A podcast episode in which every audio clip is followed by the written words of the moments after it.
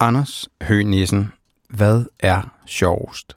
At nørde og lave podcast, eller at nørde verdensrummet? Øj, det var en af de svære at starte på. Jeg synes, hvis jeg skal være helt ærlig, at det er sjovest at nørde podcast. Altså, jeg kan huske, at jeg var lille og stod en decembernat og kiggede op i den klare, mørke himmel og så ud på alle stjernerne og tænkte, hvor er vi små, og hvor er universet stort. Så på den måde så kom rumnørderiet lang tid før jeg overhovedet havde skænket radio eller podcast en tanke. Men radio og podcast er jo det, jeg har beskæftiget mig med professionelt på en eller anden måde de sidste 25 år eller noget af den stil, så det er noget, jeg bruger mere tid på end, end rummet. For jeg laver trods alt også podcast om andet end rummet. Hej. Velkommen til Meta, en podcast om podcasting. Jeg hedder Anders Guldberg, er fra podcastbyrået her her, og i dag skal du med på tur med Anders Høgh Nissen, der står bag podcasten Rumsnak. En podcast, der udfolder Danmarks rolle som en rumnation og alt det, vi som danskere bidrager med i den henseende. Anders Høgh Nissen er en af de gavede podcaster. Han har en forkærlighed for teknologi, og skulle det vise sig, også en forkærlighed for rummet. Men det er ikke rummet, dagens meta-episode handler om. Det er selve tilblivelsen af podcasten Rumsnak, og ja, tilblivelsen af lad det være en cliffhanger, for det skal vi nok komme til. Lyt med hele vejen igennem. Der er fantastisk meget at lære fra Anders Høgh Nissens historie, så lad os springe ud i det og spole tiden helt tilbage til dengang Rumsnak blev til.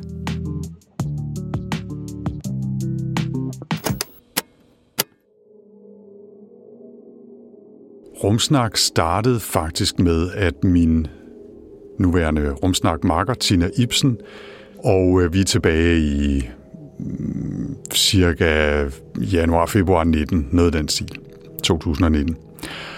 Og hun sad og tænkte, det der podcast, det er noget. Det vil jeg gerne lave også, men jeg kan ikke finde ud af at lave podcast, tænkte Tina. Hun tænkte, jeg er astrofysiker, jeg ved en djævelsk masse om, om rummet og om videnskab, om forskning og også om at formidle, men har aldrig prøvet at lave lyd før eller radio før. Så hvem kan jeg få til at hjælpe mig med tænkte Tina Ibsen og kommer frem til svaret, du allerede kender, Anders Høgh Nissen. De to aftaler at mødes til en kop kaffe i København, nærmere bestemt i Lydens Hus.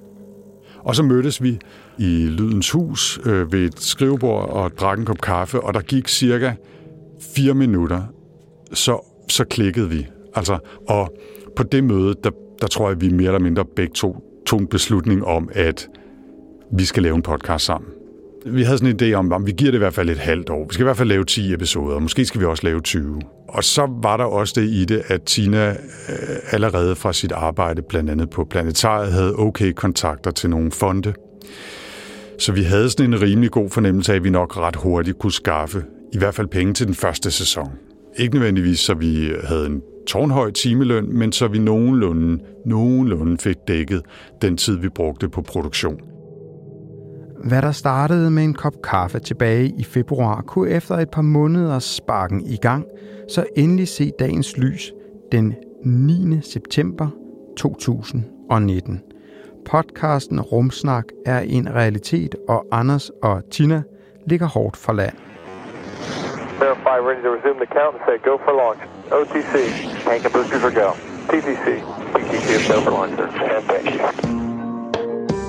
Velkommen til Rumsnak, en podcast om rumnationen Danmark og de danske rumaktiviteter inden for både forskning og forretning. Mit navn er Tina Ibsen. Jeg hedder Anders Høgh Nissen. Spænd selen og start nedtællingen. Vi er klar til affyring. one, zero, and liftoff. All right, uh, Jeg tror, at vores, øh, vores første største hit, det var astronaut Andreas Mogensen han var faktisk den første person, som var i studie hos os. Han kom først med i episode 2 eller 3, men han var faktisk den første gæst, vi havde, fordi han var i landet på det tidspunkt, og så havde vi mulighed for at få lavet et interview med ham. Så han sad faktisk lige her i det her studie, ved det her bord og de her mikrofoner, som vi står og snakker ind i nu. Ikke? Øhm, og og det, det er klart, at det var også noget, der var med til at sparke os i gang. Der var så øh, en aften og slappede lidt af og kiggede ned på jorden, øh, og så kunne jeg se, at, at vi nærmede os sådan et kæmpe uvær. Øh, på det tidspunkt, der fløj vi over øh, Indien. Øh, jeg havde heldigvis øh, taget mit kamera med og, og begyndte så at filme og fotografere så godt, som jeg kunne. Og det viste sig, at jeg havde været rigtig, rigtig heldig øh, og havde fanget både øh, Blue Jets, men også Red Sprites. Øh, to forskellige slags kæmpe lyn. Øh, og det var, det var meget, meget imponerende. Helt tydeligt det her blue jet eller blå lyn pulsere, altså skyde tre gange inden for et sekund eller to. Og det var virkelig imponerende.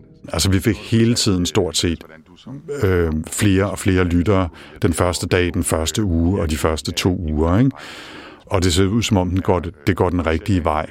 Så lad os, lad os blive ved. Lad os give, smide mere kul i maskinen. Ikke? eksperimenter med at sidde i en kupola, tage billeder af lyn, eller lege med bobler, eller fjernstyre robotarm og så Og den første sæson, der gik vi simpelthen, der gik vi hardcore all in på at sige, hver episode dækker et emne inden for rumforskning eller rumteknologi eller rumforretning, og så har vi to, nogle gange endda tre interviews, som relaterer sig til det, som vi så lavede i fællesskab med en kort optag, som Tina og jeg lavede sammen i studiet, og så klippede jeg det så hårdt ned, som jeg kunne, så det ikke blev alt for langt. Ikke?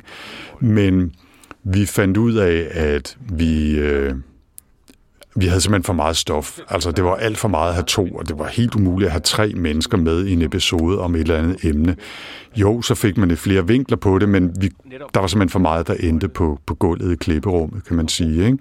Men i hvert fald på et tidspunkt relativt tidligt forløbet, så besluttede vi os simpelthen til at sige, at vi som udgangspunkt kun i gåsøjne har én gæst per emne. Så efter cirka et års tid, så havnede vi på det format, som vi også stort set hver gang holder i dag, som hedder en kort optakt, så en 10-12-20 minutter nogle gange med korte nyheder fra, fra rummet, sådan fra hele verden, og så et tema, som typisk tager udgangspunkt i et interview med en gæst. Og så en sjældent gang imellem, så, så dropper vi nyhederne og har flere gæster med, men som udgangspunkt er en, en standard episode, det er en, en nyhedsblok med lidt bonus og lidt sniksnak, hvor Tina og jeg sidder i studiet og taler og fortæller historier til hinanden, kan man sige, om nyheder fra rummet, og driller hinanden, fordi vi er et gammelt ægtepar. Og så har vi et interview, som som regel er forredigeret, altså foroptaget og forredigeret, så vi typisk taler om et eller andet 40 minutter, men nogen klipper det ned til 25-30 minutter. Ikke? The pilot has successfully completed three out of four orbital flights. We have had 100% success on our manned flights.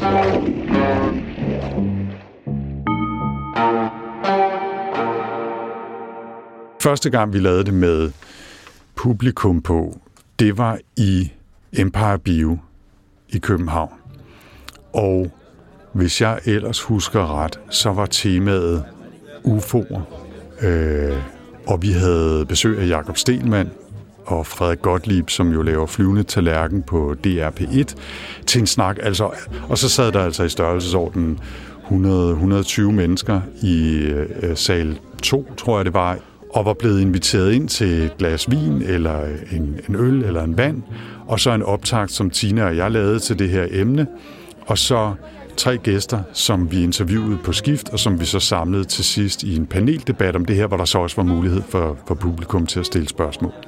Og så havde vi lavet det, synes vi selv, meget sjovt, at de spørgsmål, de skulle stille, skulle de skrive på hvide paptallerkener, og så kaste ned øh, til os, og så kunne vi så vælge, vælge de bedste. Ikke?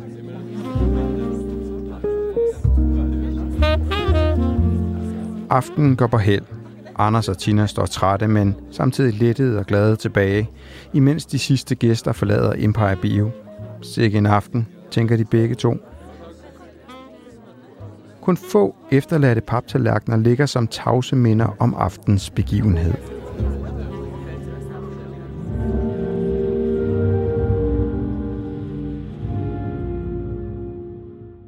Men, end med at skulle gøre rent. det gør Empire heldigvis. det er derfor, I uh, lejede jer ind hos den. Ja, de har virkelig været. Og det hele kører jo egentlig på skinner for rumsnak. Men hvis man har appetit på mere, ja, hvad så? Det er Tinas skyld, det hele. Tina, øh, jeg ved ikke, hvordan hun har den energi, eller hvor hun får den fra. Men hun, udover at hun laver rumsnak, så holder hun foredrag og er med i forskellige museumsprojekter, udstillinger og undervisninger og alt muligt, og så skriver hun nærmest en bog om året eller mere. Og hun har skrevet en bog om Mars, hun har skrevet en bog om nordlys eller polarlys og om, om universets historie, og så på et tidspunkt, øh, det har nok været sidste sommer, sidste forsommer, altså 22, så var hun slet, Anders, jeg har tænkt over det. Øh, jeg synes, øh, den næste bog, jeg skriver, det skal være en rumsnakbog. Jeg synes, vi skal skrive den sammen. Og så var jeg sådan lidt, øh, øh, øh okay. altså, jeg har skrevet en bog tidligere for 10 år siden, og jeg ved, at det er skide hårdt arbejde. Det er det i hvert fald for mig. Og det er ikke nødvendigvis nogen særlig god forretning, medmindre man virkelig laver en bestseller. Så jeg var sådan lidt, ja, altså hvem, hvem, hos hvem og så videre. Ikke?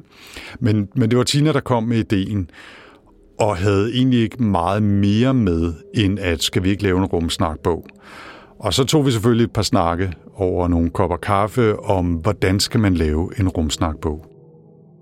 Og Tina har endnu et trick op i ærmet. Hun kender en fagredaktør over hos Lindhardt og Ringhof, hvor hun tidligere har udgivet en bog om Mars, og har oven i købet allerede hyggepitchet ideen om en rumsnakbog til ham. Så når man har en god skrivemakker, en nogenlunde klar idé om bogens indhold, og til med en interesseret redaktør samt et forlag i ryggen, ja, så er en stor del af det svære forberedelsesarbejde jo allerede klaret. Så er det med ekstremt store gåseøjne bare at komme i gang med at skrive bog. Vores arbejdstitel, parentetisk, kan jeg fortælle, var Rumsnak store rumbog om rummet, men den ville forladet mærkeligt nok ikke købe. Så, så, men men øh, den kom til at hedde Danmark i rummet. Så var vi faktisk øh, ekstremt heldige at gå i gang med det der i vinteren øh, 2022-2023, fordi det var der, der begyndte at, at komme en hel masse sprog værktøjer med indbygget kunstig intelligens i maven. Ikke? Og et af de første af dem, det var Zetland, der jo lavede en øh, uh, transkriberingstjeneste, hvor man kan uploade en lydfil, og så få det skrevet ud som tekst. Og det var stadigvæk ikke perfekt. Ikke desto mindre så havde Zetland altså formået at lave en transkriberingstjeneste, som fungerede på ret højt niveau. Så vores timing var jo ekstremt heldig i forhold til, at vi kunne tage vores lydfiler fra episoderne, smide ind i good tape, få en masse tekst ud, og så meget bedre kunne overskue, hvad er det for nogle bidder, vi gerne vil have med som citater, også uden at vi selv skulle sidde og skrive. I januar 2022 går de to kompagnoner så i gang med at skrive deres bog Danmark i rummet. Den måde, vi valgte at gribe Rumsnak-bogen an på, det var at udforske, om det kunne lade sig gøre at lave en podcast som bog. Så den måde, vi har valgt at gribe det an på, det er, at basalt set, så er, er kan man sige, hovedretten i den her bog, det er 24 kapitler, tror jeg det er, med nedslag i nogle af de emner, som vi også har dækket i podcasten. Så mørkt stof, eller øh, en motionscykel til den internationale rumstation, eller hvad det nu kan være. Og i vid udstrækning har vi brugt de samme eksperter som, øh, som interviewpersoner i, i de respektive kapitler, som var med i en episode af podcasten, til at fortælle om det. Og så har vi brugt øh, noget af det oprindelige materiale fra podcasten, og i, i bund og grund så er øh, hoveddelen af podcasten, de tre hoveddele, er øh, podcast-episoder omskrevet til et format, som gør det meget nemmere at læse, altså med meget mere baggrund og mindre citater, men altså med, med udgangspunkt i det samme stof.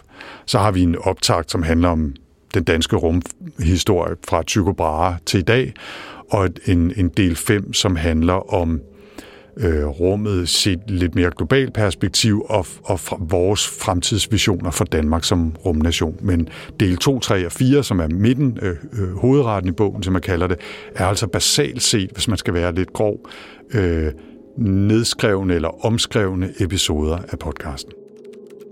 Den ene side tager den anden, og bogen begynder at tage form. Anders og Tina begynder at overveje, hvad det næste trin skal være i forhold til udgivelsen. Og så var det faktisk oprindeligt meningen, at bogen skulle være udgivet i starten af juni. Og så skete der jo det, at det blev offentligt, hvornår Andreas Mogensen formodentlig skulle sendes tilbage op til, øh, til den internationale rumstation. Og så tænkte vi, hmm, der er jo en god anledning. Altså her er måske et tidspunkt, hvor Danmark kollektivt og danskerne er mere fokuseret og åbne for en snak om, hvad der foregår i, i rummet og omkring dansk, danske rumaktiviteter. Så måske kunne det være en god idé at time udgivelsen af bogen til den øh, begivenhed, til den opsendelse. Danmark i rummet bliver planlagt til udgivelse den 8. august, i håbet om, at det vil falde sammen med Andreas Mogensens opsendelse. Anders og Tina krydser deres fingre. Det vil være perfekt med sådan en timing. Men til trods for den omhyggelige planlægning, går det hverken værre eller bedre, end at Andreas Mogensens opsendelse bliver udskudt gang på gang på gang. Og det ender med, at Andreas først bliver skudt afsted den 25. august, et par uger efter at Danmark i rummet er udkommet.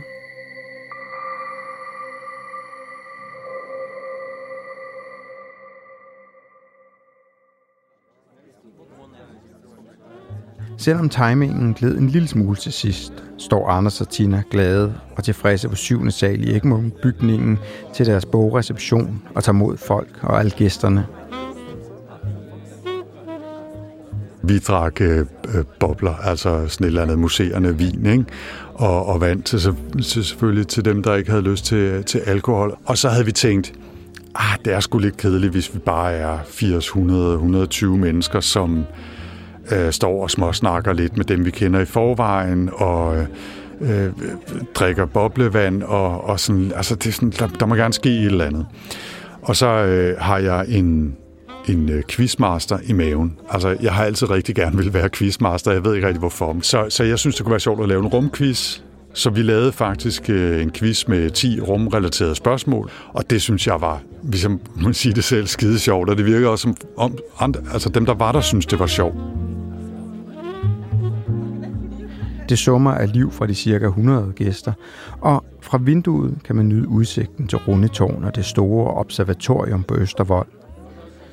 Der er bestemt en fornemmelse af at have dansk rumhistorie med inde i lokalet. Og det hele kulminerer i aftens store finale.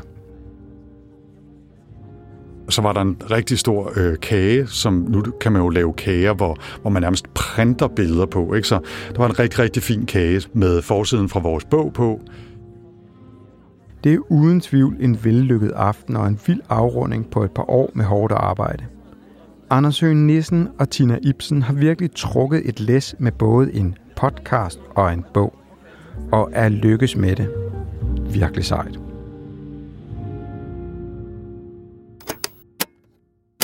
Og så er vi egentlig færdige med vores fortælling nu her. Eller der er jo selvfølgelig et brændende spørgsmål, der mangler at blive besvaret i det her interview med Anders Hø Nissen. Okay, jeg har et spørgsmål tilbage, og det, nu fanger jeg dig, at du godt kan lide quiz. Så nu Aha. vender vi egentlig om. Det her, det er, øh, spørgsmålet er meget simpelt, men i min bog er der jo kun et svar. Okay. Hvad er din yndlings rumrejse? Rumrejsen til Saturn. Det er Claus Dolorans tegneserie fra 1978. Ja, så meget på Tintin. Så, så der bliver vi bare ikke enige, Anders, her. Ej, jeg, jeg Og på den måde, så slutter vi jo den her dårlige... Lige pludselig gik fra, fra god stemning til dårlig stemning. Nej, nej. Ja, eller måske øh, forlæns til baglæns med Bamse øh, og Aske. Altså, Kunne jeg have gået med til, men nej. I virkeligheden er det rigtige svar jo øh, Rumrejsen 2001. Okay, Stanley Kubricks. Så ja. ingen, ingen af os har ret. nej. Men det klipper jeg bare ud. Nå, tak for snakken. Tusind tak, fordi jeg måtte komme.